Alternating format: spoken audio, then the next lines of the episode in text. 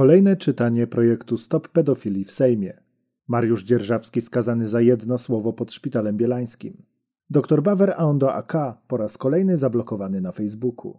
To wybrane artykuły, które pojawiły się w minionym tygodniu na łamach serwisu Strona Życia. Na błyskawiczny przegląd aktualności zaprasza Fundacja Pro Prawo do Życia. Strona Życia. Stań po stronie życia. Kolejne czytanie projektu Stop Pedofilii w Sejmie.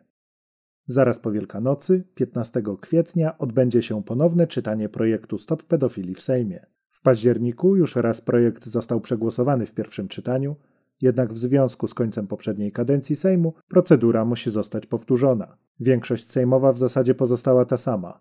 Zobaczymy, czy coś się zmieniło. Z zainteresowaniem będę słuchał tego, co się wydarzy na sali plenarnej i ciekaw jestem tej debaty, mówi Mariusz Dzierżawski, członek zarządu fundacji. Więcej o sytuacji donosi Jan Bot.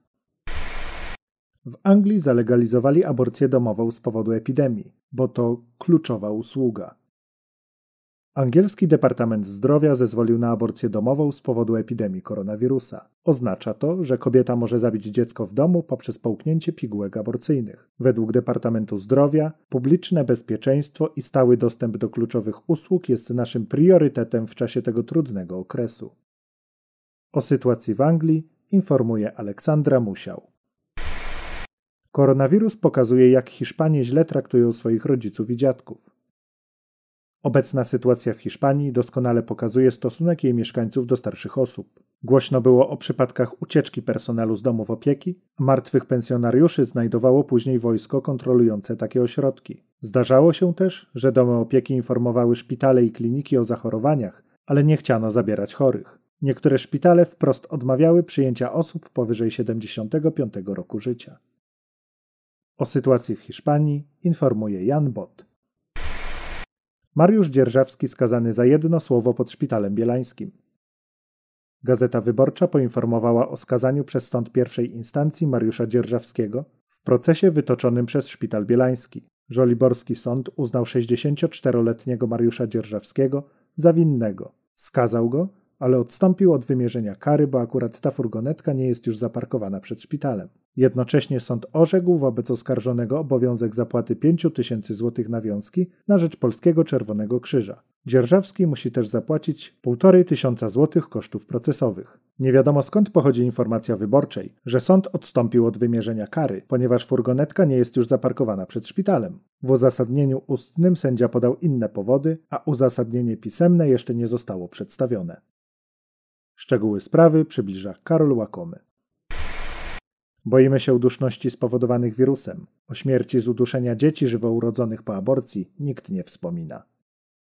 W epoce koronawirusa wielu ludzi panicznie chce się zabezpieczyć przed możliwymi objawami występowania tej choroby. Ponieważ najwięcej słyszy się o braku respiratorów, w wielu aptekach wykupiono leki rozkurczające oskrzela, mimo iż są one sprzedawane na receptę. Lęk przed uduszeniem w głowach wielu ludzi i także w mediach wydaje się być tematem numer jeden. Tymczasem w ten właśnie sposób w majestacie prawa zabija się w Polsce dzieci. Aborcji dokonuje się bowiem w Polsce najczęściej w piątym i szóstym miesiącu ciąży, a dzieci, które się rodzą w wyniku przedwcześnie wywołanego porodu, mimo iż z założenia abortera powinny być martwe, czasami rodzą się żywe. Im są większe, tym dłużej umierają. Nikt ich nie podłącza do respiratorów, nie podaje im tlenu, lekarstw, Leżą samotnie, bo personel czeka, aż się uduszą.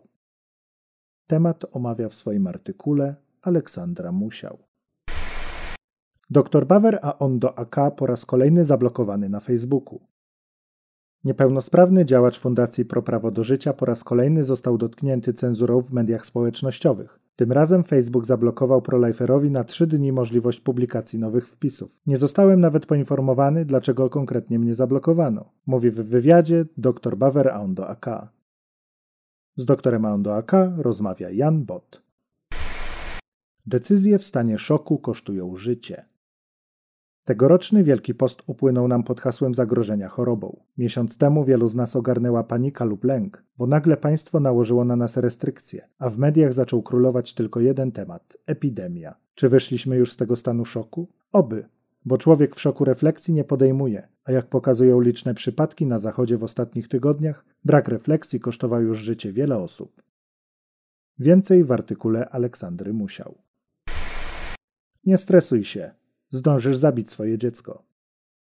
Nie zapomnij, nie stresuj się, masz czas, napisali twórcy podziemia aborcyjnego z organizacji Women Help Women pod grafiką informującą kobiety, że mogą mieć bezpieczną aborcję do 12 tygodnia ciąży. Wiadomo więc nie od dziś, że zabicie dziecka jest niebezpieczne i to nie tylko dla zabijanego człowieka, choć przede wszystkim dla niego. Aktywiści Women Help Women kłamią jednak, że aborcja do 12 tygodnia jest aborcją bezpieczną, co absolutnie nie jest prawdą. Potwierdzają to również ich własne świadectwa oraz prowadzone przez nich forum. Więcej w artykule Cecylii Szymanowskiej. Czy mordowanie nienarodzonych z przyczyn społecznych jest w Polsce legalne? W kolejnym odcinku serii Cała prawda o aborcji Anna Szczerbata przybliża temat tzw. Tak czwartej przesłanki, kłamstwa aborcjonistek na temat legalności zabijania dzieci w warunkach domowych oraz luki prawnej sprawiającej, iż jest to działanie bezkarne. Zapraszamy do obejrzenia materiału wideo. Zabójstwo dziecka prawem kobiety? Krakowska Manifa 2020.